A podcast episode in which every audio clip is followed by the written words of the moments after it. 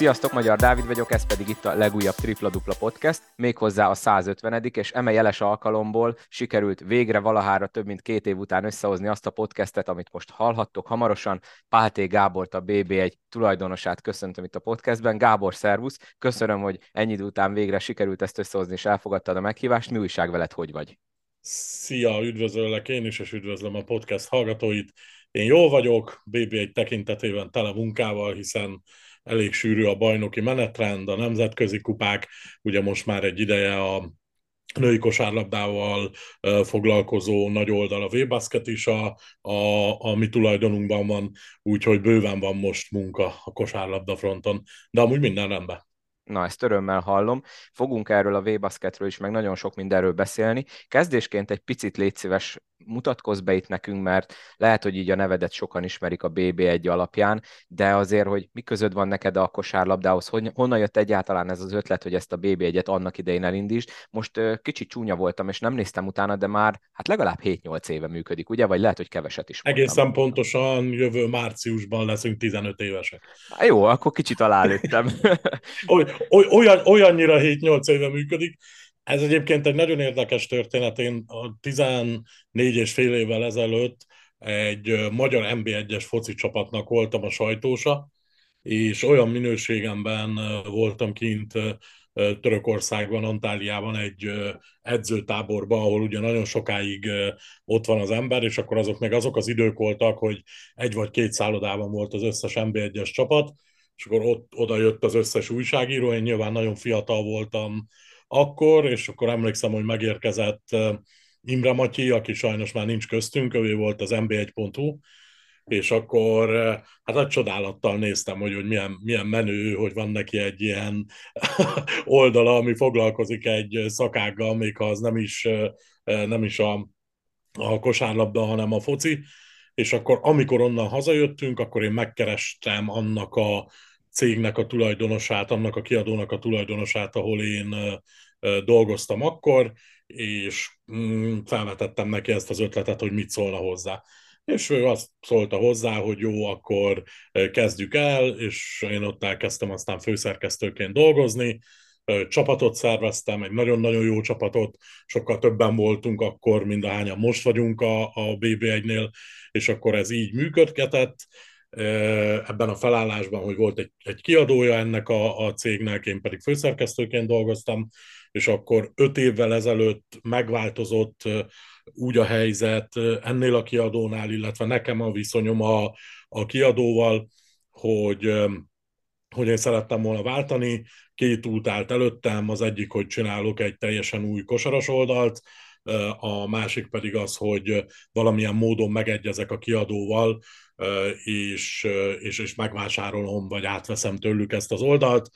Szerencsére ez az utóbbi történt, tehát hogy, hogy végül a, a, az én szempontomból legalábbis győzött a, a józanész, és, és, és, és végül az, az a megoldás született, hogy, hogy a BB1 az átkerült az én cégemhez, és azóta egy egészen új konstrukcióba, én azt hiszem, hogy sokkal ambiciózusabban, sokkal, sokkal jobb jövőképpen rendelkezve csináljuk, csináljuk ezt az oldalt. Bocsánat, csak annyit még mondok, hogy nehogy félreértető legyen, tehát én az előző kiadónak maximálisan hálás lehetek. Tehát nélkülük nincsen BB1. Nem bántani akartam őket, de ott annak a rendszernek a BB1 egy nagyon pici része volt, nem is a legfontosabb része volt, nem jutott rá elég fókusz, nem jutott rá elég energia, úgyhogy, úgyhogy ezt ezért mondtam, hogy hogy győzött a józan ész, és végül is most átkerült egy olyan rendszerbe, ahol, ahol csupa olyan ember van, aki ezt nagyon komolyan gondolja, és minden hibája és minden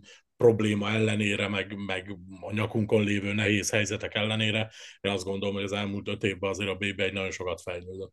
Ez az öt évvel ezelőtti, ez az a momentum, amikor a bb1.hu-ból bball1.hu lett, ugye? Tehát igazából, hogyha úgy Igen. nézzük, a, a webcím megváltozott, de a tartalom az maradt a régi. Igen, de a bb1.hu is erre az oldalra mutat egyébként, igen. Akkor igazából, ahogy ezt most így kivettem a szavaidból, meg ugye én itt látlak közben, ahogy vesszük fel ezt a beszélgetést, ez, ez teljes mértékben neked is a saját gyermeked, mint ahogy én mondjuk a podcasthez viszonyulok, és ezért mondod, hogy győzött a józanész, hogy azért nem szeretted volna úgy folytatni, hogy úgymond egy tiszta lappal kezdeni, hanem ezt a BB1-et akartad mindenképp továbbvinni.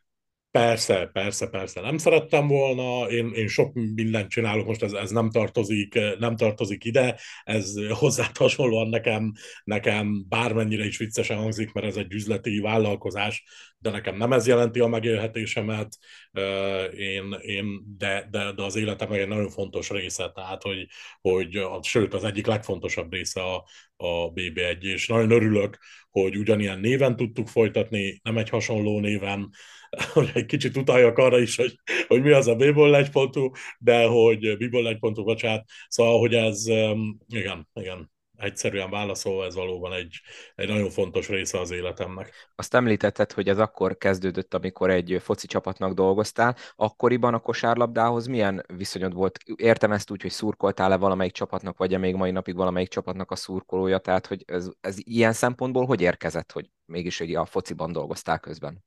Hát szerettem én mindig, szerettem én mindig a kosárlabdát, csak ugye én a, a, a szombathelyi tévében dolgoztam, és ugye ott nem, tehát azért ott nem úgy működött, hogy egy nagy sportszerkesztőség volt, tehát aki aki ott volt, az mindent csinált, ami a szombathelyi sporttal volt, volt kapcsolatos, és, és akkor valahogy úgy a, ilyen téren, hogy nekik dolgozzak a focihoz közelebb kerültem, de mondjuk a Falkó csapatához is az első pillanatoktól kezdve, hogy, hogy elkezdtem dolgozni a szombatai téve, és mondjuk bíztak rám annál fontosabb feladatokat, mint hogy kávét főzek, volt, volt közöm, tehát hogy, hogy oda is mentem, csak, csak ott, ott, ott ilyen, ilyen, téren nem, ilyen, ilyen téren nem dolgoztam, tehát soha nem volt olyan munkakapcsolatom a Falkóval, hogy mondjuk én a, a Falkó alkalmazásába lettem, lettem volna. Arra a kérdésre, hogy melyik csapatnak drukkolok, a magyar válogatottnak. Szép diplomatikus válasz. Na akkor kezdjük egy kicsit így konkrétabban akkor a, a kezdeti időszakot, ami akkor idestova már 15 év. Ez ugye 2000 8, ugye, hogyha jól számolok így vissza, azért akkor még az internet, nem azt mondom, hogy gyerekcipőbe járt, de azért nem az a nagyon high-tech dolog volt, mint mostanában. Mennyire volt nehéz a kezdet, és mennyire volt nehéz így a magyar kosárlabdának a médiapiacára betörni, mert ha most én így próbálok visszaemlékezni, ugye most nagyon sokszor kritika, hogy a magyar kosár eléggé hátul kullog a, a sportok között, akár elég csak ugye azt megnézni, hogy mennyi közvetítés van kosárlabdából és másik sportágakból, bár talán idén már egy kicsit jobb a helyzet, de gondolom ez régen is így volt, hogy emlékszel vissza, mennyire volt rögös ott az a kezdet. Ég és föld volt a különbség. Tehát, hogy már hogy mennyivel jobb most a helyzet. Tehát, hogy, hogy ez És mi még mégis panaszkodunk. Igen, hát persze az ember, az ember ezeket elfelejti, de ég és föld volt a különbség. Összesen hasonlítható a kettő. Ha jól emlékszem, akkor egy kosaras oldal volt, amikor mi elindultunk, nagyon remélem, hogy jól emlékszem a nevére, az, a, az volt a neve, hogy kosárinfo.com, de elnézést kérek, ha a nevére rosszul emlékszem, ezt a nemzeti sportnak az akkori kiváló újságírója, a Sahintót Robi csinálta, aki aztán milyen furcsa sorsfintora később nekem nagyon-nagyon sok projektben és vállalkozásban kollégám lett, tehát nem haragudott meg rám, hogy aztán mi őt a bb 1 nagyon gyorsan parkolópályára tettük, már elnézést, hogy ezt a csúnya szót használom, nem ez volt a cél, de aztán ez történt.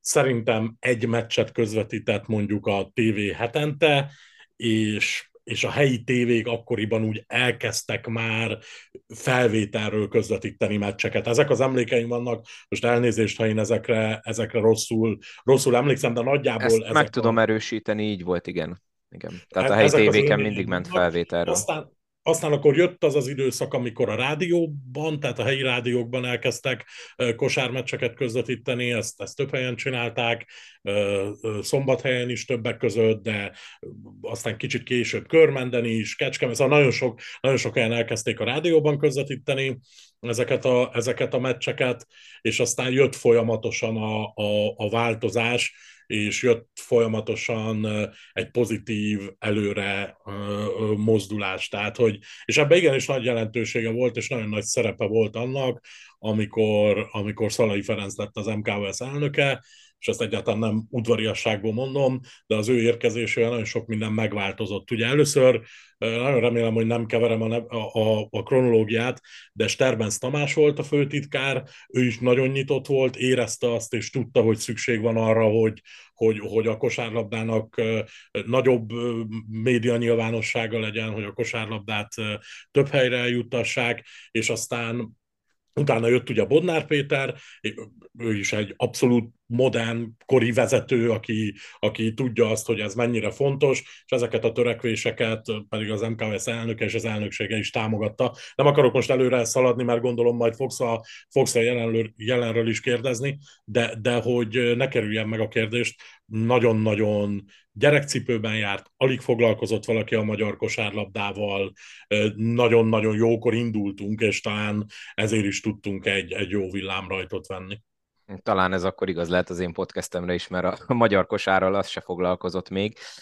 Mennyire volt segítőkész a szövetség az elején? Azt most így nagyjából már így megválaszoltad, de akkor vegyük ide a csapatokat is. Ugye elindultatok, és nyilván, hogyha nincsen közvetlen kapcsolat a csapatokkal, akkor nem sokat ér a egy híroldal sem. Mennyire volt ez a része nehéz ott az elején, hogy összeszedd őket, hogy, hogy igenis Nagyon támogassanak? Nehéz volt.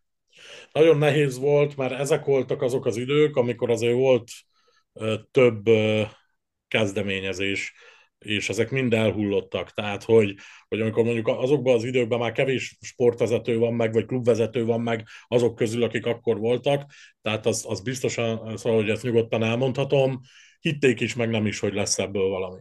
Tehát, hogy mindenki, mindenki úgy volt vele, hogy jó, hát oké, okay, itt vagytok, aztán majd meglátjuk, hogy mi fog történni, és, és mi, lesz, mi lesz ebből az egészből. Nem voltak elutasítóak, de bizalmatlanok voltak, egészen más csatornákon keresztül szereztük az információkat, mint most, és hangsúlyozom, egy nagyon nagy stábbal dolgoztunk, mert az a média kiadó, a, aki, aki volt akkor a BB egy kiadója, ő, rádiót, heti lapot, internetes oldalt, szóval nagyon sok mindent foglalkoztatott, ahol nagyon sokan dolgoztak, és kaptunk onnan szabad kapacitásokat, amiket át lehetett, át lehetett hozni ebbe a, ebbe a rendszerbe. És hogy veszed észre manapság, mert ugye majd később, de akkor lehet, hogy ide átemelem ezt a témát, ugye vannak olyan csapatok, akikkel én úgy gondolom, hogy már ilyen szerződéses, vagy akármilyen együttműködésben vagytok, ugye aki követi a BB1-et, az ott láthatja a hirdetéseket, úgymond hirdetéseket, amik ugye egy adott csapatról szólnak, tehát most már gondolom akkor ilyenek is vannak, és én azért is kérdezem, mert ugye ezzel nekem is meggyűlt a bajom ott négy évvel ezelőtt, amikor elkezdtem meg akár a mai napig, hogy, hogy mennyire kooperatívak akár bármilyen ötletre is a, a klubok. Én, én, nekem az, amikor én átvettem tulajdonosként a, a BV1-et, én, és akkor említettem is neked az előbb, hogy én ezt egészen máshogy akartam csinálni. Én akkor úgy döntöttem, hogy egy olyan utat kezdek el járni, ahol sokkal szorosabban együttműködök a, a csapatokkal. És akkor már nyilván a BB1-nek volt neve, én nagyon sok klubvezetővel leültem, és inkább annak megállapodásaink, mint nincsenek. Tehát mindenki felismerte annak a lehetőségét, hogyha mi azt akarjuk, hogy a kosárlabdának legyen egy olyan oldala, mint amilyen a BB1, akkor abba össze kell fogni. És itt egyáltalán ne csak arra gondolj, vagy arra gondoljanak a hallgatók, hogy ez, ez valamiféle anyagi összefogás feltétlenül, hanem, hanem meg kell azt mutatnunk, hogy ez igenis mindenkinek fontos, és ez igenis ebbe energiát kell beletenni, segíteni kell abba, hogy ennek meglegyenek a, a megfelelő anyagi, anyagi forrásai, és persze úgy, hogy mellette azért az oldal tisztességesen működjön, és ne, ne nem tudom én, különböző érdekcsoportoknak, vagy különböző csapatoknak a szócsöveként. És azt kell neked mondanom, hogy az utóbbi időben ez Szerintem jól működik, a klubvezetők értik ennek a lényegét, szerintem tudják azt, hogy nagyon nincsen más út, de azt is tudni kell, hogy az utóbbi időben egyre profibb emberek vezetik a magyar kosárcsapatokat. Nem fogok neveket sorolni, mert... Hmm, nem is kell mert, szerintem, mert az látszik mert nincs, is, nincs, csak... Igen. Mert senkit nem akarok megbántani, de ma, amikor már leülsz egy klubvezetővel, akkor akkor, akkor ott már egy komoly szakmájához értő, csapata érdekeit néző, ennek az egésznek több, több szegmensét is átlátó klub, klubvezetők ülnek. Mindenkivel más a viszonyom, nekem is. Van, akivel jobb, van, akivel hetente beszélek, van, akivel fél évente, van, aki kedvel, van, aki csak megtűr, van, aki utál, de úgy mint a, mint a nem. Tehát, hogy, de tudod, tehát, hogy ezek ilyen természetesen, vagy ezek ilyen normális emberi kapcsolatok lettek, de az, hogy, az, hogy elkezdték profi módon vezetni a csapatokat, én, én, ezt, én ezt biztos merem, biztos merem állítani. Igen, ez látszik, és egyre több helyen van, hál' Istennek már konkrét egy vagy akár több fős csapat, aki a, a média megjelenéssel, meg a, ehhez kapcsolódó dolgokkal foglalkozik. Elég csak ugye megnézni, hogy Instagramon például, vagy Facebookon ugye mennyi médiaanyagot kiadnak a csapatok mondjuk egy két-három évvel ezelőtti helyzethez képest. Szerintem ez, ez mindenképp. Talán egy kicsit mondhatom, hogy talán ebben mi is benne vagyunk, hogy ez így előre tört itt akkor egy kicsit hogy kérdezzek rá az olvasottságra. Nem kell konkrét számot mondanod, de nyilván, hogyha nem lenne kiemelkedő, vagy, vagy nagyon jó az adat, akkor a csapatok sem éreznék érdeküknek, hogy együttműködjönnek veled. Milyen ívet írt le mondjuk akkor az indulástól kezdve az olvasottsága BB1-nek?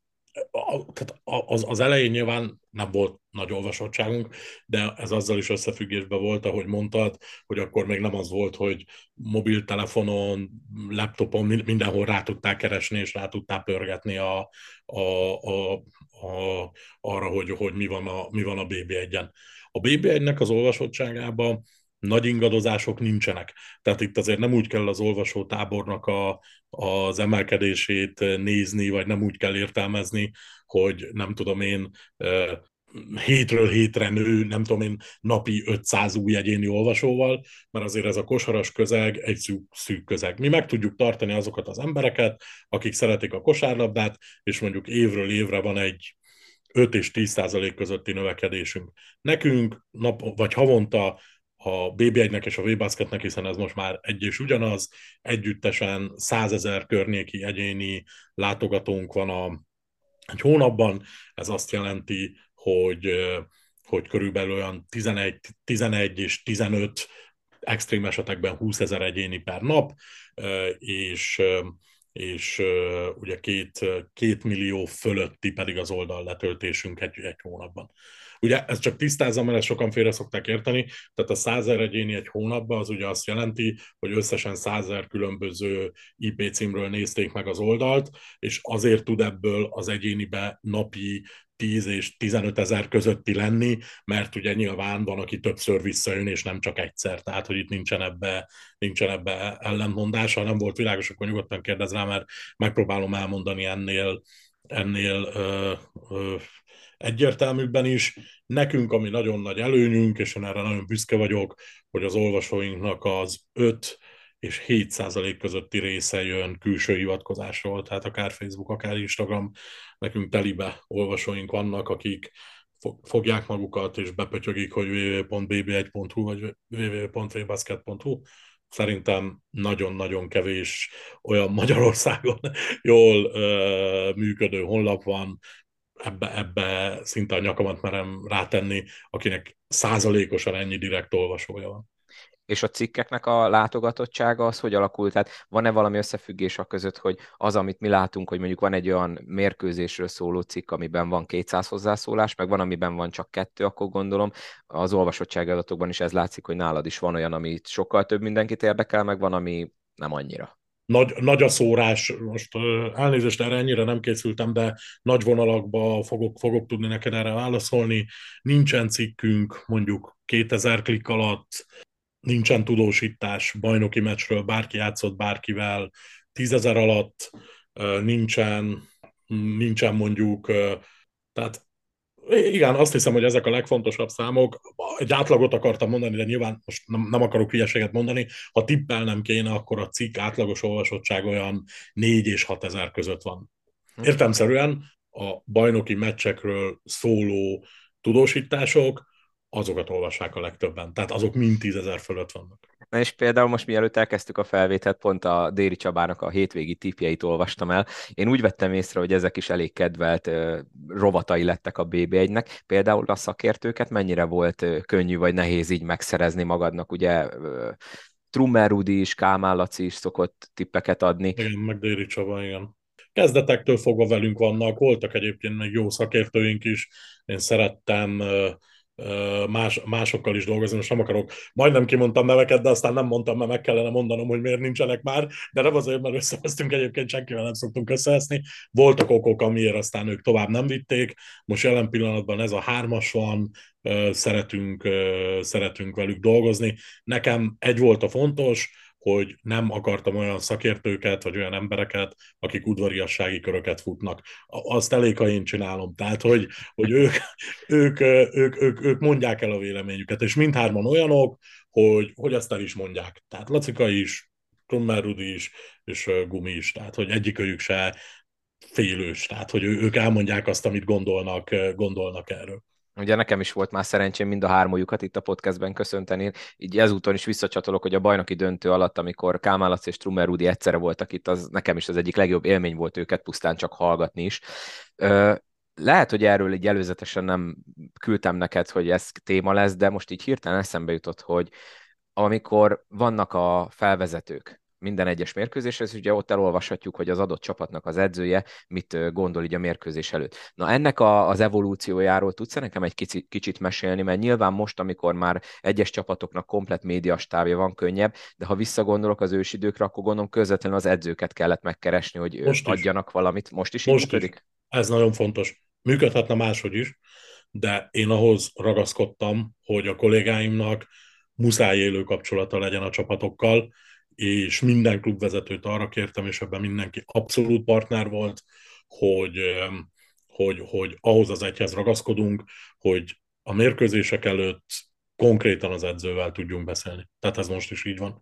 Nagyon húzósak ezek a napok, amikor mondjuk szombaton van hét mérkőzés, és akkor pénteken el kell érni 14 edzőt, de ez nagyon-nagyon fontos, mert van, van élő kapcsolat a kollégáim és, a, és az edzők között, nyilván az edzők is minket olvasnak, fontos nekik, hogy, hogy jó legyen a, a, a sajtójuk, úgyhogy ez egy abszolút, abszolút működőképes. Jó, jó viszony van velük, szinte, sőt, mindenkivel jó viszony van. Voltak mosolyszünetek, ugye volt egy ominózus uh, Zunic sztori, erre biztos mindenki emlékszik, amikor Igen. egy darabig nem, darabig nem állt velünk szóba. Most őszinte leszek, ebben nem szoktam engedni.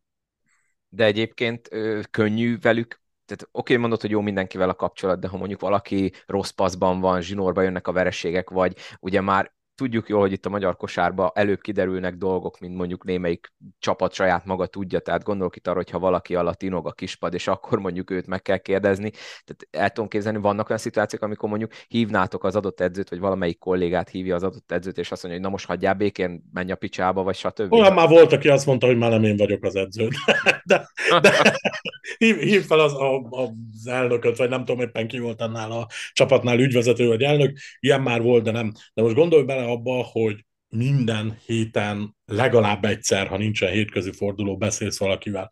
Szerintem ez egy teljesen normális emberi kapcsolat, hogyha rossz paszba vagy, akkor is felveszed a telefont, és mondasz öt mondatot, vagy ha van még egy kérdés, akkor mondasz hat, hat, hat mondatot. Tehát ezek az emberek azért intelligens emberek, szóval nem, nem tudom én elnézést tiszteletek, vagy, vagy de nem mondok semmiért, mert akkor ez, ez hogy, hogy nem hasonlítom ez semmihez, ezek értelmes emberek, akik tudják ezeket a helyzeteket kezelni.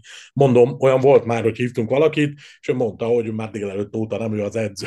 Ilyenek voltak, de, de akkor is felvette. Én, én inkább úgy, úgy értem, mert szerintem ma már ez, ez elfogadott meg, nyilván valamilyen szinten elvárás. Inkább én a régi időkre gondolok, hogy akkor is ennyire egyszerű volt, mert én nekem így, így az mintha egyszer valakitől hallottam volna, hogy már nem emlékszem meg, ha emlékeznék sem mondanám konkrétan, de így mondta nekem, hogy, hogy hát ő neki tele van a töke, hogy ezzel is foglalkozni kell, nem igaz, hogy mi, miért őt zaklatják ezzel a meccs előtti napon, hát menjenek már a túróba. Én azt nem mondtam, én azt nem mondtam, hogy ezt egyik edző se gondolja. Én azt mondtam, én azt mondtam, hogy mindig elérjük őket, és mindig, mindig tudnak ők ők, ők nyilatkozni, tehát, vagy, vagy mindig, mindig nyilatkoznak. Tényleg, én nem is emlékszem, szerintem csak egy Zunic konfliktusunk volt.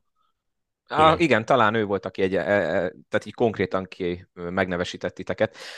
Még egy kérdés így az együttműködésekkel kapcsolatban, ugye a, a szövetség. Itt arra gondolok, hogy ugye vannak olyan cikkek, amik a Humbasketnek az oldalán, tehát a szövetség hivatalos honlapján ugye egy az egyben megjelennek, tehát akkor tulajdonképpen lehet, hogy ez mindenkinek evidens, én azért szeretném konkrétan megkérdezni, hogy velük olyan kapcsolatban vagytok, hogy bizonyos cikkek az ő megrendelésükre születnek idézőjelesen, vagy egy olyan megállapodás, vagy átvehetnek tőletek például válogatottról szóló írásokat? Nem, nem, nem azért mondom ezt, hogy udvarias legyek, hanem mert ez az igazság, nem rendelnek meg tőlünk semmilyen cikket. Tehát, hogy én amióta tulajdonosként ebben részt veszek, és én erről tudomásom van, soha semmilyen cikket nem rendelt meg tőlünk. A, Én se úgy értem, ez, hogy, hogy azt a kell meg, írnotok, meg, amit ők szeretnek, hanem hogy, hogy úgy, úgy értve rendelnek, hogy akkor nem a saját sajtójuk ír, hanem hogy átveszik. Igen, van, egy, van egy olyan megállapodásunk, remélem ezzel semmilyen titkot nem sértek, hogy átvehetik az anyagainkat, amelyiket ők gondolják, de ebbe semmilyen presszió nincs részünkről sem, és részükről sem. Tehát, hogy ez nem egy... Tehát az MKOS-szel nagyon jó a viszony, nagyon-nagyon fontos partnere az MKOS a BB1-nek, de az MKOS hagy minket élni, tehát hogy majd most tudom, mindjárt meg fogom kapni a válogatottas kommenteket is, arra majd fogok válaszolni külön, de ezt a kettőt én, én szétbontanám.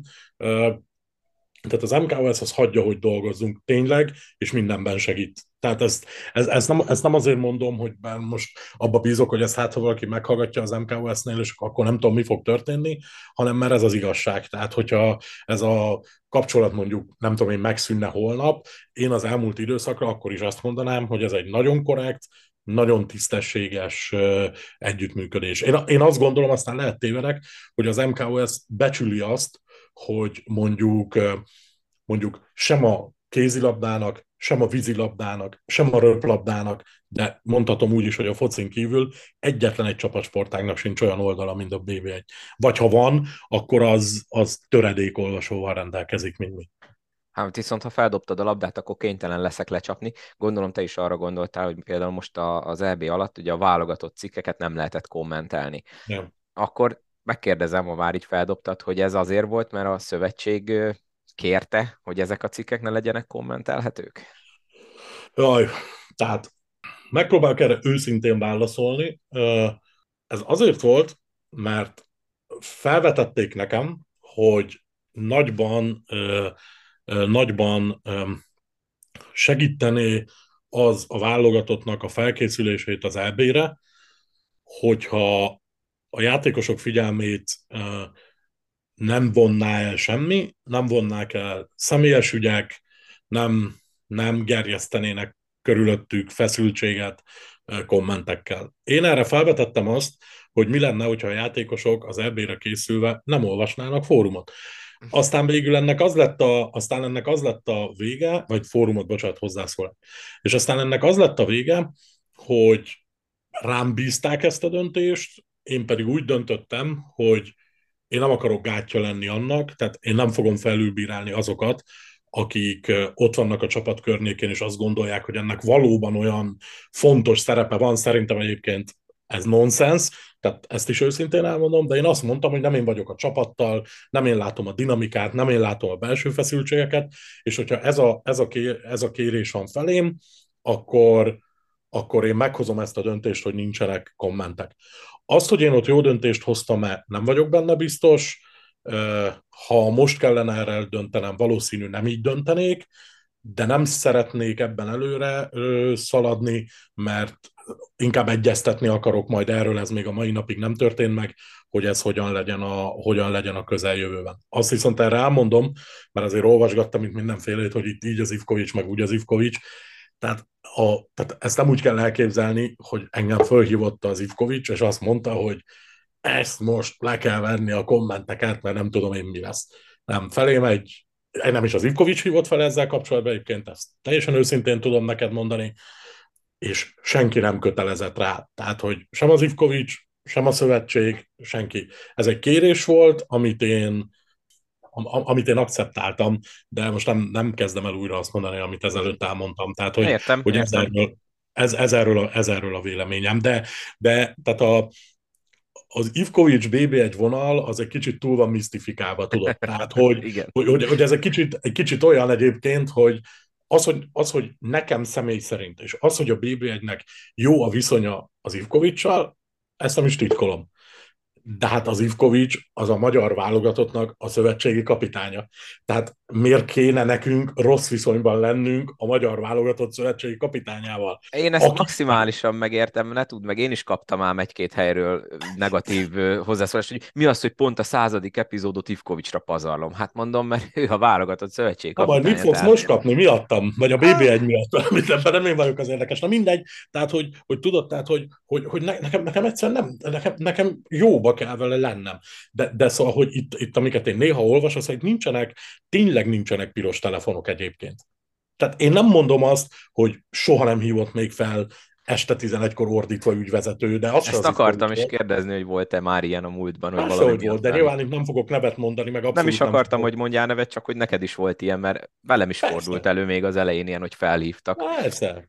Jó, jó, de ez, jó, de ez ezzel a munkával jár, tudod?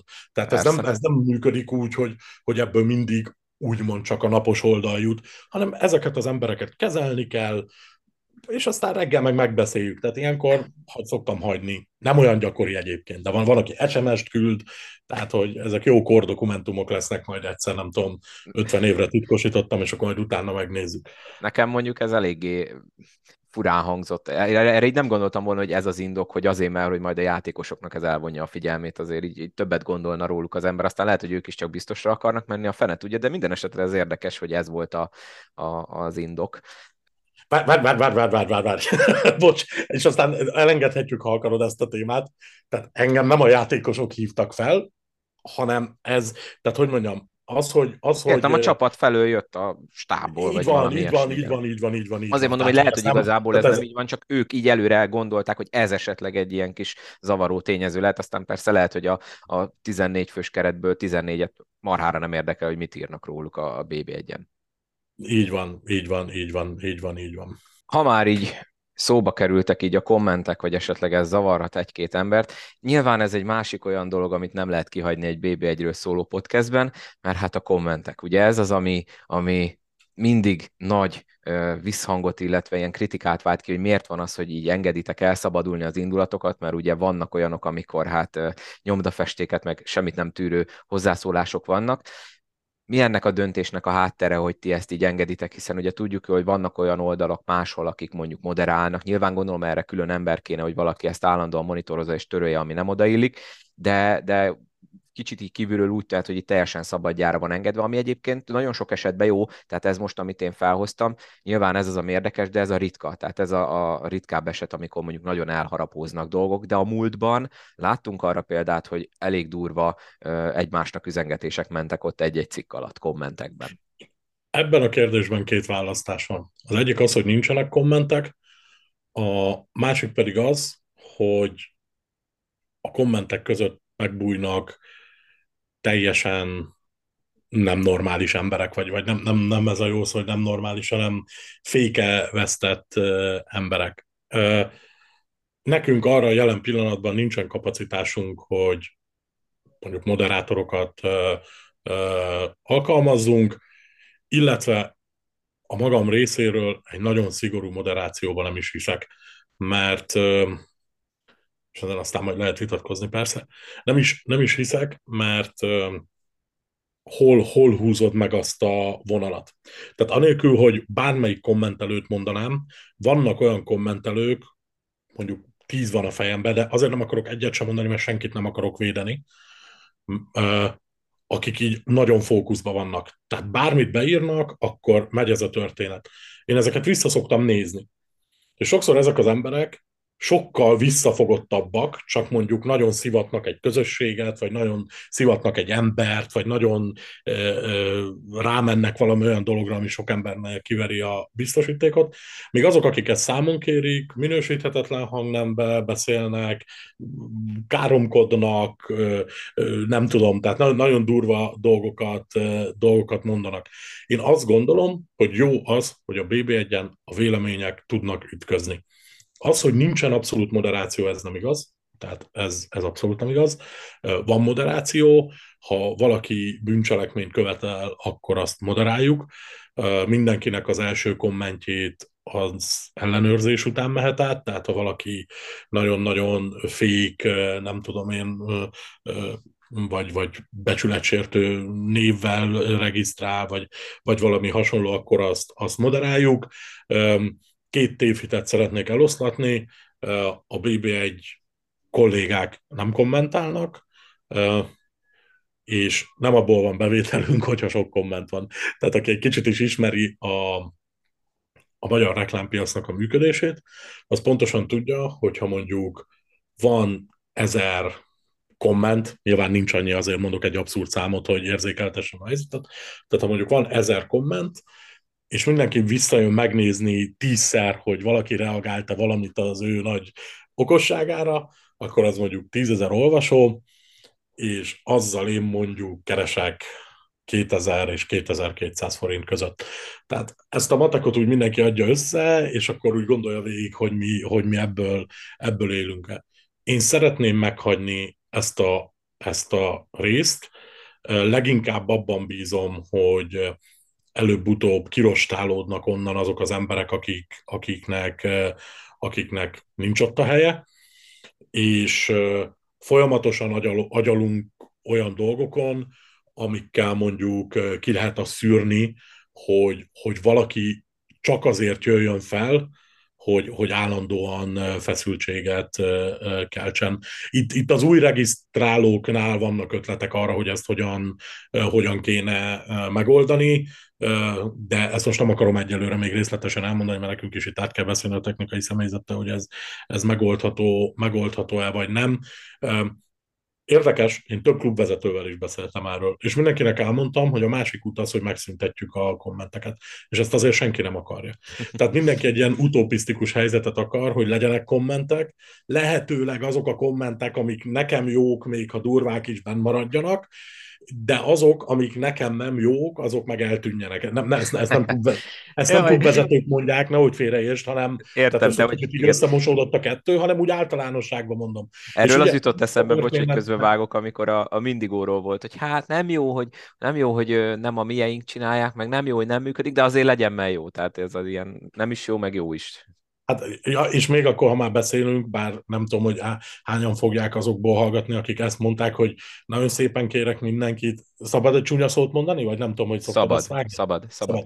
Nagyon, nagyon szépen kérem az embereket, hogy ne küldjenek nekem több kurva anyád üzenetet, a mindigó miatt, mert semmi közöm nincs hozzá. Tehát, hogy ez, mert ez, tehát tényleg. Szóval... De egyébként amiatt is kapsz ilyen anyázást, hogy, hogy engeded ezt a, a tehát, hogy mit tudom én, én, én most ne meg, hogyha hallgat, és, és rosszul esik neki, nyugodtan írjon nekem, és beszéljük meg, de én például most kimondom, például, hogyha mondjuk sárga párna, vagy sárga párna miatt küldenek -e neked a nyázást, hogy ezt miért engeded, mert az, hogy a mindigó miatt küldenek, ez, ez nagyon vicces, de, de hogy ilyen miatt esetleg kapsz megkereséseket, hogy azért ezt nem kéne, vagy régen ugye talán az emőke volt az, aki, aki eléggé hasonló stílusban csinálta a hangulatkeltést. Reagálok az első kérdésre is, az, az emőkés sztorinak annak az lett a vége, hogy olyan dolgot írt, ami után ő ki lett tiltva a, a, a BB1-ről. Tehát, hogy ő ott, ő, ő ott konkrétan, most fel tudnám idézni azt is, hogy mit írt, de nyilván ezt nem fogom elmondani, ő ott konkrétan egy nagyon súlyos bűncselekménnyel vádolt meg valakit, és és, és akkor nyilván teljesen egyértelmű volt, hogy ez lett ennek a sztorinak a vége. Abból lett rendőrségügy? Mert én nekem vannak olyan pletykáim, hogy volt már rendőrségügy BB egy kommentből. Nagyon sokból, nagyon sokból volt. Csak bocsánat, elmondom azt is, csak reagálni szeretnék, nem konkrétan Sárga Párnára, mert nem tudom, van, vannak mások is, de tehát, hogy ha valakit elkezdünk azért kitiltani, mert ő cikiz egy társaságot, még akkor is, ha az annak a társaságnak fájdalmas, akkor ennek hol van a vége? És én ezzel nem sárga párnát védtem meg, most ha fel, felhoztad az ő nevét, vannak mások is, most én tudom ezeket a neveket, te is tudod, csak te nem akarok belemenni, mert, mert tehát jobb lenne, ha sárga párna is befogná a pofáját. Érted? Tehát, hogy ez, ez meg, meg jobb lenne, ha nem tudom, én nem mindig csinálná a, a, a valagát. De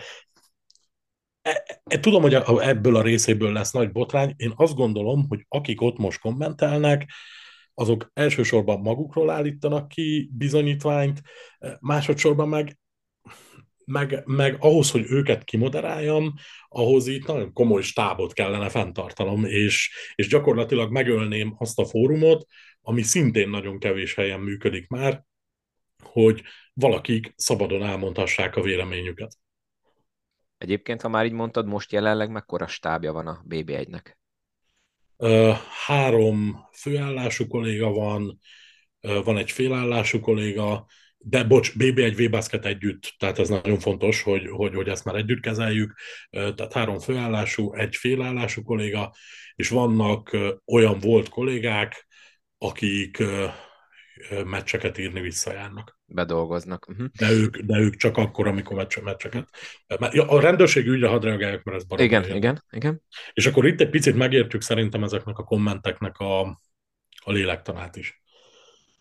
Hogy ugye ez úgy működik, hogy tehát rengetegen fölhívnak, hogy te, nem tudom én, mit tudom, hosszú, nem várjál, mert ez valakinek a beceneve a kosárlabda életben, nem jó, amit mondtam. Nem tudom, az ajtó kilincsnek, remélem, hogy nincsen, tehát az ajtó kilincsnek mi az IP címe, légy ad meg, és akkor elmondom, hogy én ezt nem tudom, és tényleg nem tudom, ez úgy működik, hogy én kapok egy, egy tehát valaki feljelenti az illetőt, a rendőrség engem megkeres, ez szokott történni e-mailben, telefonon vagy postai úton, akkor én elkérem a rendszergazdától azokat az adatokat, amit ő tud, ha nem elég, akkor azt mi elkérjük a szerver tulajdonostól, ha mást kér a rendőrség, és ezt mi minden esetben elküldjük a bíróságnak. De ez törvényi kötelességünk is, tehát ez nem kívánságműsor, mi ezt minden esetben elküldjük, és akkor ezek az ügyek eljutnak ezek közül az ügyek közül, így a pontos, sok, a, sok eljutott, és el fog jutni bírósági, bírósági szakaszba is egyébként. Voltak, hát tudok olyanról, ahol volt egy hét vádlottas ügy például egy, egy komment cunamiből, és elmarasztaló ítéletek is születtek. Azt. De, de a legtöbb esetben az derül ki, és most nagyon muszáj diplomatikusnak lennem, hogy, hogy nehogy magára, vagy, vagy tehát, hogy a csapat magára ismerjen. Sokszor volt arra is példa, hogy házon belülre vezettek az IP címek és, és ott a házon belül megtalált illetők nem feltétlenül mondták azt a bíróságon, hogy ők használták a laptopot, hanem úgy emlékeztek, hogy megadták több embernek a házból.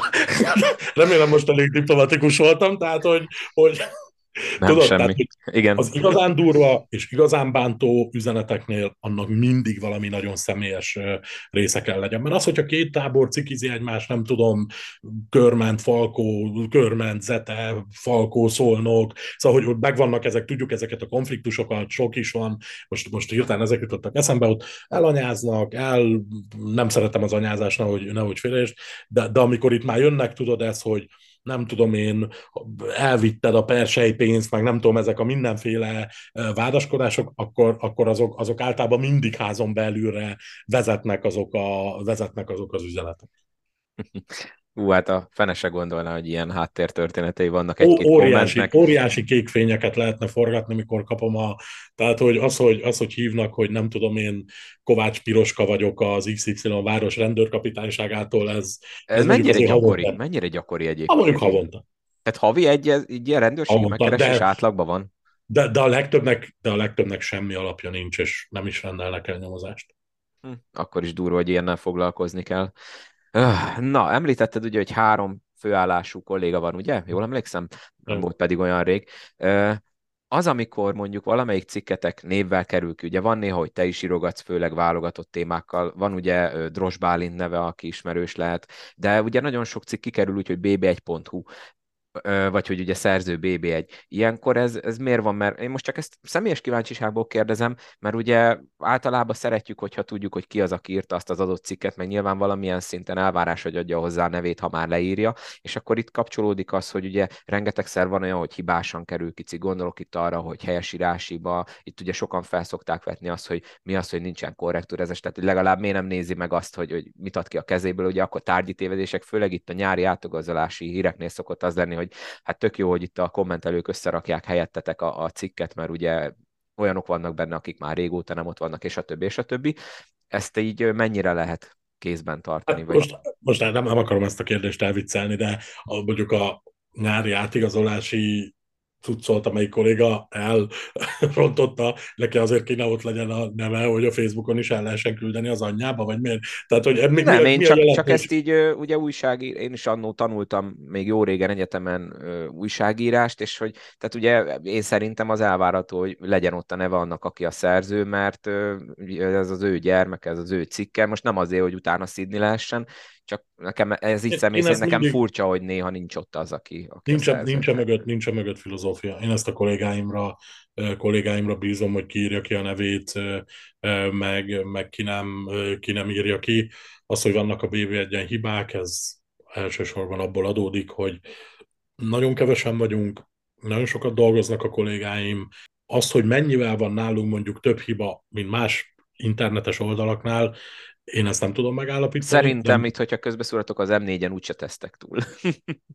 de, de, de, tehát a következő, mivel ezt nem tőled hallom először ezt a kritikát, én azt gondolom, hogy ez egy olyan probléma, ami majd a következő etapban, amikor fejlesztünk, vagy amikor előre akarunk lépni, akkor ezen kell javítani. Tehát én, én alapjában véve azt, azt gondolom, vagy azt hiszem, hogy az olvasónak mindig igaza van. Akkor is igaza van, ha én nem értek vele egyet. Tehát engem például, ha fölhív valaki, az én telefonszámom ott van az impresszumban. Tehát ha engem fölhív valaki, én mindenkivel beszélgetek. Tehát ha normális hangnembe hív fel, tehát az, hogy most nem tudom én este kilenckor kicsit besörözve fölhív valaki, és ők minősíthetetlen hangnembe beszél, ott is próbálkozom először azzal, hogy egy Volt normális... ilyen? Igen. Így, és tehát van, van ilyen is, de de, de hogyha fölhívnak, ha nem tudom fölvenni, visszahívom, megbeszéljük a helyzetet, elmondom, elmondom, mi miért történik, és én ezt tényleg nem udvariasságból mondom, mert én például, a tehát amikor a, a kommentekre még csak egy mondat, nagyon sokat lehetne erről beszélni, hogy amikor azt mondja valaki, hogy miért hagyod, hogy ennyit szidják a, nem tudom, Kovács Ödön klubvezetőt, akkor én mindig azt mondom, hogy és azt szoktad látni, amikor azt is hagyom, hogy a BB1-et szidják.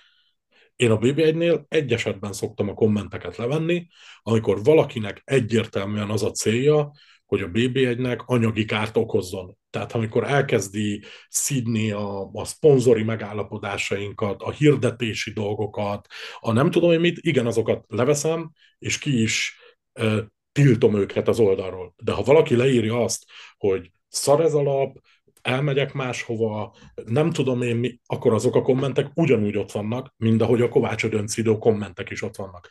Arra a jogot fenntartom, hogy a céget, amit működtetek, és amiben nagyon nehéz egy Covid után és egy, egy, egy energiaválság idején az, az anyagi forrásokat előteremteni, azt senki otthon a fotelből ülve ne próbálj meg tönkretenni. Tehát, hogy őket tiltani szoktuk, de én a BB1-es kritikákat soha nem szoktam, ugyanúgy nem szoktam ki, kitörölni. Mi is volt az eredeti kérdés? Bocs, már Ő, igazából ennyi, csak hogy ugye, hogyha így hibásan kerülnek ki dolgok. Ja, hibák. Ugye, igen.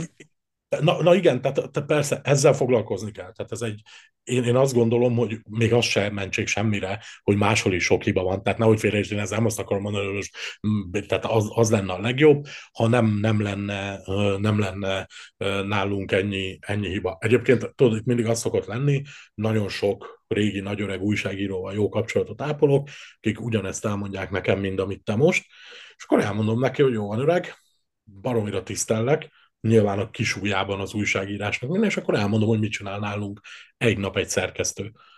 Elmondhatod most is, mert épp az lett volna a következő kérdésem, hogy nyilván az, hogyha mondjuk egy kikerül egy cikk egy mérkőzés, és ugye nagyon sok hétvégén mondjuk egy időben, vagy nagyon sok, tehát nagyon közel egymáshoz érnek véget, nyilván nektek is érdekeltek, hogy minél gyorsabban legalább ugye a, a főcím kikerüljön, max odaírjátok, hogy részletek később, és ugye itt szokott kritika lenni, hogy még az eredmény sincs jól kírva, nem jön össze a matek, nem jók a negyedeknek az eredményei, de gondolom, tehát ilyenkor egy hétvége, vagy egy hétközi forduló, amikor van egyszerre 5-6-7 mérkőzés, ne Isten mindegy időben, ugye 6 órai kezdéssel, akkor ott azért itt ott hárman, négyen, akkor nyilván mindenkinek öt felé áll a feje, meg minden. Igyekszünk, Én aláírom, az, benne van a hiba, csak ugye... Azért igyekszünk, az, azért igyekszünk arra, hogy, hogy, hogy azért meccsenként legyen egy ember, mert, mert, mert, azért valamennyire ebbe reálisnak kell maradni, de mondjuk én nem fogom a fejét venni egyetlen egy kollégámnak sem azért, hogy mondjuk elírt egy eredményt, Nyilván azt kérem tőlük, hogy arra törekedjenek, hogy ne írják el az eredményt, de én a fejüket nem fogom venni. Ez nyilván, és tudom, ezért is rengeteg kritika van, hogy már a gyorsaság oltárán feláldozod a nem, nem tudom én mit.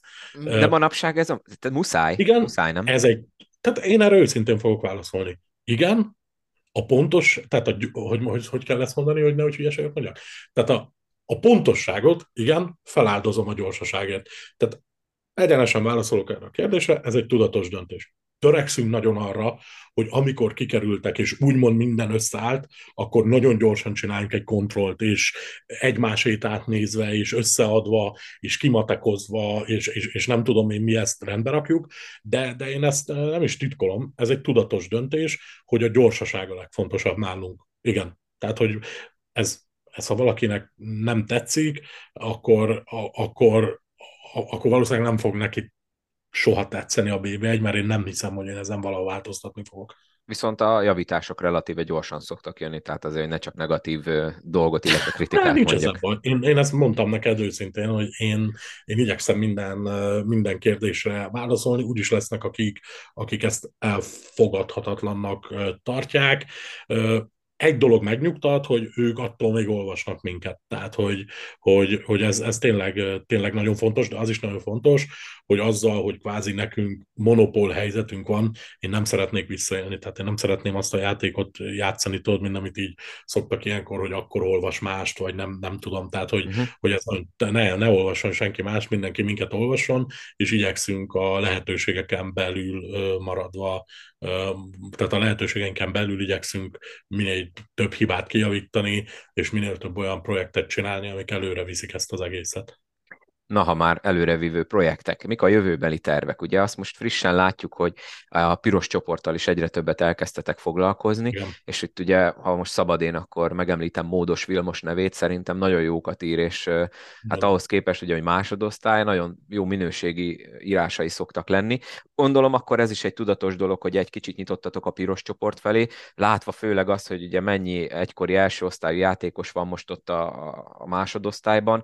Van rá igény, hogy veszed veszed észre, milyenek a piros csoportos cikkeknek a látogatók? Meg kell, szokni, meg kell szokni az embereknek azt, hogy sokat tudnak nálunk olvasni a piros csoportról. Jó ezeknek a cikkeknek az olvasottsága egyébként, de lesz, az, lesz ez még jobb is, és nagyon remélem, hogy ez a piros csoporttal kapcsolatban még csak egy első lépés, és hamarosan, mármint a következő szezontól hamarosan úgy értem, mert nyilván ez a szezon úgy fog ugye végigmenni, hogy egy forduló beharangozó, és akkor az adott nap már az aznap lejátszott meccseknek az összefoglalója, statisztikája kikerül.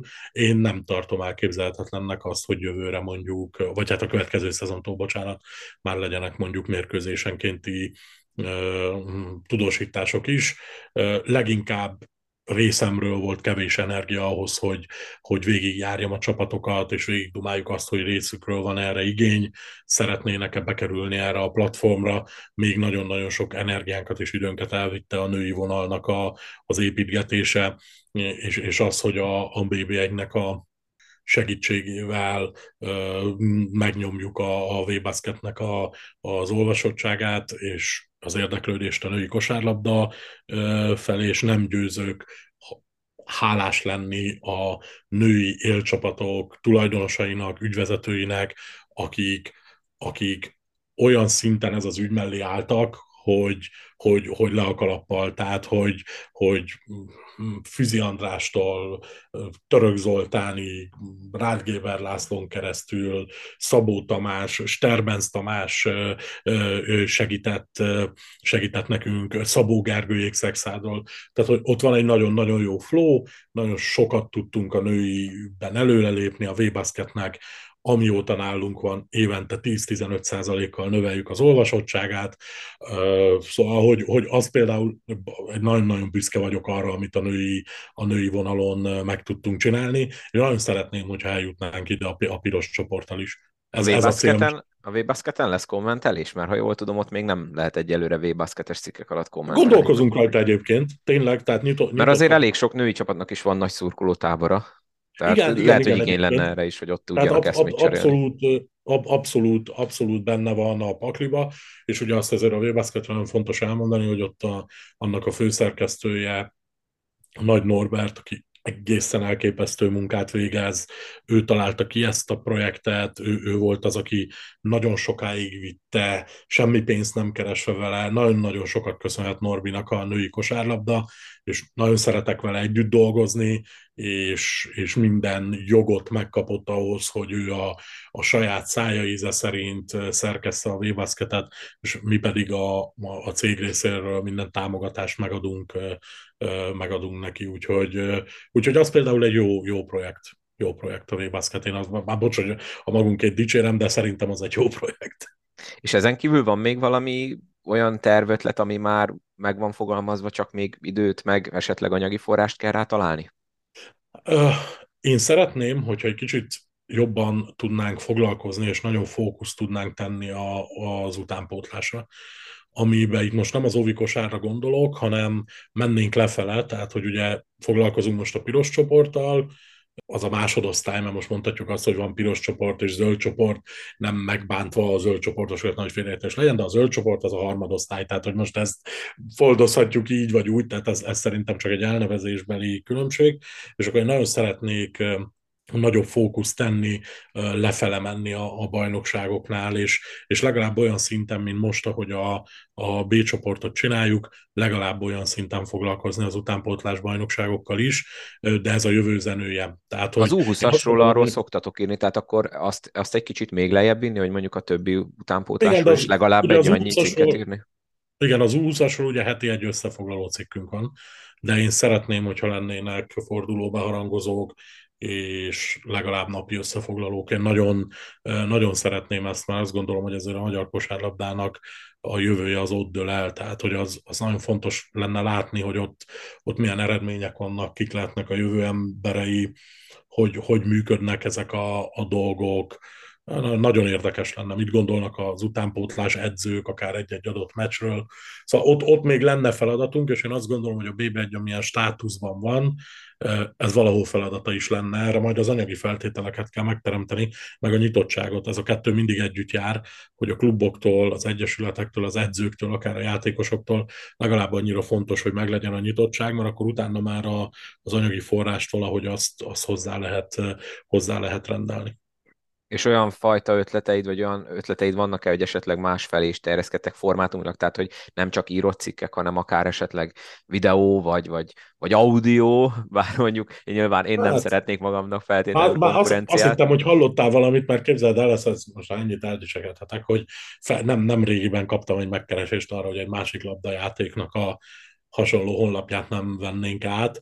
Nagyon meglepődtem volna, ha tudsz róla de, de, de nem veszük át, de mindegy, ez csak, ez csak így eldicsekedem, hogy azért van, szóval van azért jó hírünk szerencsére, nem csak, nem csak rossz, azzal együtt, hogy én elfogadom azokat a kritikákat is, amiket te mondtál.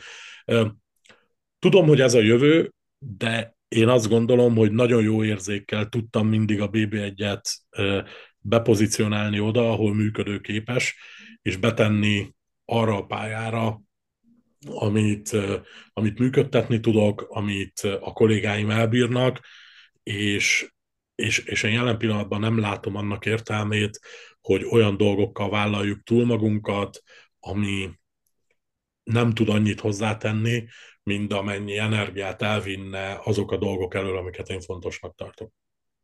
Érthető, érthető.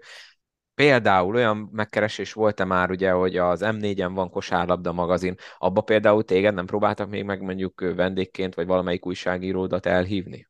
Mert így nekem számomra ez logikus lenne, mert ugye máshol látjuk például a foci közvetítésekben, hogy akár podcast házigazdát, akár újságírót, vagy, vagy valamilyen bloggert meghívnak nagyon, nagyon jó a viszonyunk az M4-jel, kifejezetten a, a Knézi a Knézivel is jó, jó viszony van, nem tudom mennyire figyelett, tehát hogy például a tévéközvetítések mindig nálunk jelennek meg először, stb. stb. Tehát, hogy jó, jó együttműködés van, ez nem merült fel, de az, az nagyon fontos is, hogy maximum valamelyik kollégámat tudnák meghívni, mert én egészen biztosan nem tehetem meg azt, és nem csak azért, mert, mert, mert nem is értek hozzá annyira, hanem én azt gondolom az én pozíciómban nem tehetem meg azt, hogy oda menjek és osszam az én szakmai kérdésekre, ugye te is, amikor hívtál ebbe a podcastba, amit köszönök szépen, én azért is tisztáztam ezt lett, hogy ez miről szólna, a BB1-ről, vagy, vagy arról, hogy mit gondolok, én nem tudom, én a, az Ivkovics válogatási elveiről, mert utóbbiról én, utóbbiról én maximum egy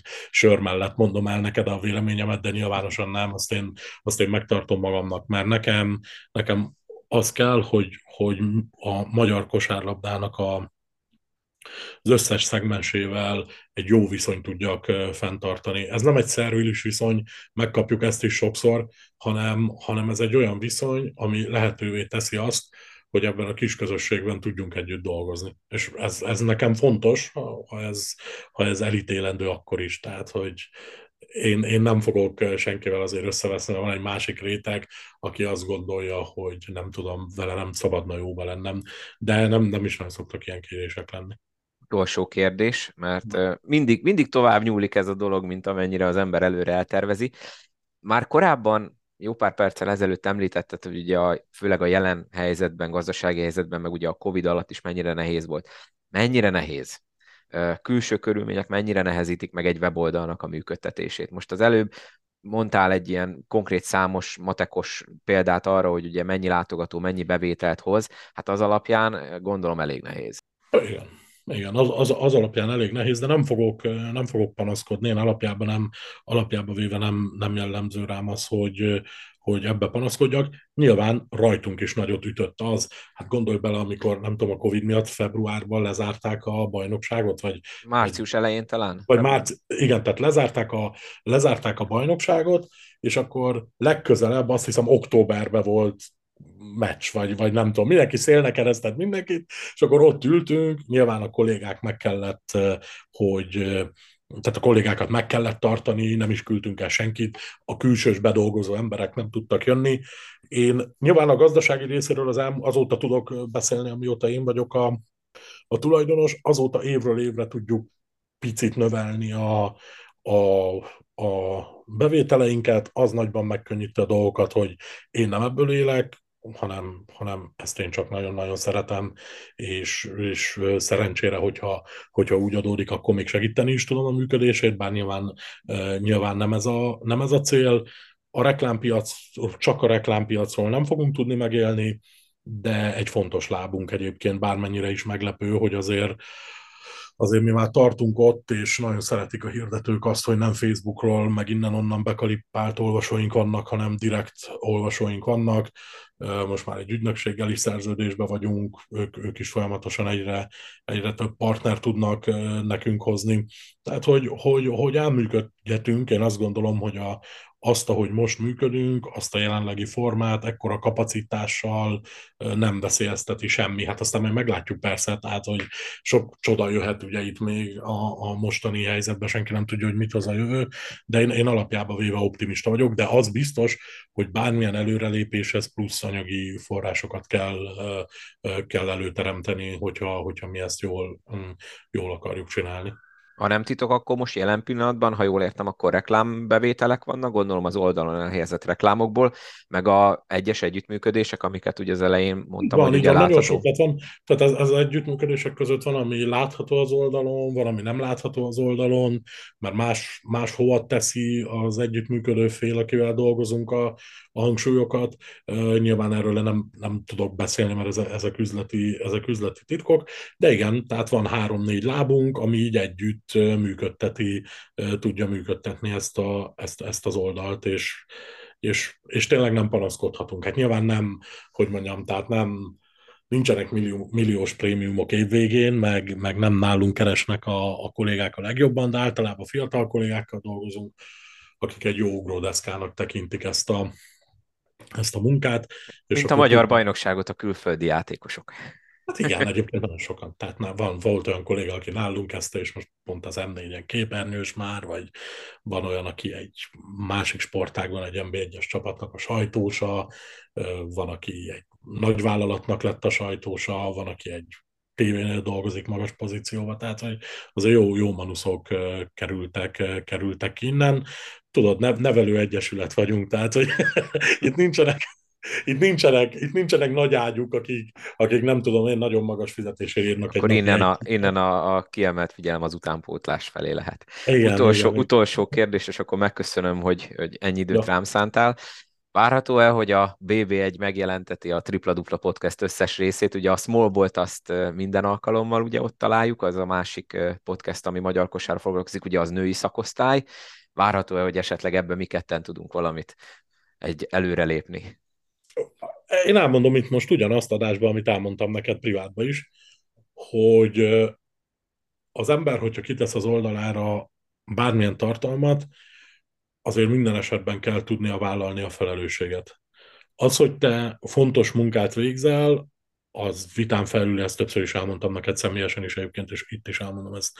Tényleg így gondolom, de én azokat a dolgokat szeretem az oldalamon megjeleníteni, amikért száz százalékban tudom a felelősséget vállalni. És én azt is elmondtam neked őszintén, és itt is elmondom őszintén, hogyha én elkezdenélek téged presszúrázni az irányba, hogy szerintem mit kéne máshogy csinálni ebben a podcastben, akkor akkor az nem lenne ilyen jó, mert te ezt így csinálod jól. De ettől függetlenül, így csinálod jól, ahogy most csinálod. De ettől függetlenül nem zárkózom el attól, hogy ez az együttműködés szorosabb legyen. Ugye pár, pár adást ki is raktunk már, már egyébként, de én nem, nem, tehát például itt van egy baromi jó példa, azt hiszem egyen előttünk a Gulyás Szabi volt a, a vendég. Igen. Aki egy baromi jó manusz tényleg. Tehát, hogy nagyon megosztó manusz, nagyon sokan szokták nekem szidni őt, de nem tudom mi, a személyes tapasztalataim is jók vele, meg, meg nagyon lelkes, szereti ezt a sportágat, tényleg jó manusznak tartom. Csak hát a Szabinak azért tudod, mindenről is van véleménye, és, és én nem akarom, én nem akarom ezt, ezt, ezt, hogy mondjam, szabályozni. Persze csináltunk egy olyat, hogy kimondjuk, hogy ez nem a BB1 véleményét tükrözi, vagy nem tudom én mi, de szerintem majd inkább valami más fajta úton kell ebbe a történetbe elindulni. Nem, ne, neked sem lenne az jó, hogyha, hogyha ez az egész, ami, ami minket köt, vagy, vagy, vagy ami akár az én fejemben van, az megkötni a te munkádat. Tehát, hogy az, az szerintem neked sem lenne jó. Hát ezt majd megbeszéljük nyilván podcasten kívül. Gábor, hát köszönöm szépen. Én nagyon remélem, hogy ennyi idő után meg tudtam minden olyat kérdezni, amire mondjuk a hallgatók is kíváncsiak lennének. Én tényleg ezt hallgatóknak mondom, hogy a háttérben mi szerintem Hát amit az elején mondtam, az a két és fél év, amikor először felvetődött, hogy mi podcastet csináljunk veled, az, az talán megvan, mert még talán 19-ben beszéltünk valamikor, vagy, vagy hát igen, igen, elején. Igen, erre Szóval talán kimondhatom, hogy te voltál a podcast történetének legnehezebben megszülető interjú alanya, mármint az interjú megszületése tartott itt a legtovább, úgyhogy ha ez egy dicső cím, akkor fogad szeretettel, ha nem, akkor is. Én örülök, hogy így a 150. alkalommal sikerült ezt a beszélgetést megejtenünk, és nagyon remélem, hogy tényleg mindenki minden egyes kérdésére választ kapott. Úgyhogy Gábor, nagyon szépen köszönöm még egyszer, hogy itt voltál és időt szántál a podcastre, majd meglátjuk, remélem, hogy akkor még fogunk beszélni, ha esetleg valami olyan fejlesztés történik a BB1-en, ami, amiről érdemes lesz beszélni, addig meg hát nyilván mi is olvassuk tovább, én is rendszeresen ugye idézek BB1-ről, akár ott a komment szekcióból, akár leírásból, mert hát mint ahogy mondtad is, monopól helyzet van, ez nem probléma, van egy jó oldala a magyar kosárlabdának, úgyhogy nyilván nem reklámnak szánom, de olvassatok BB1-et és hallgassatok mellett a Tripla Dupla podcastet. Gábor, köszönöm szépen, hogy itt voltál. Szia, szia, hello, hello.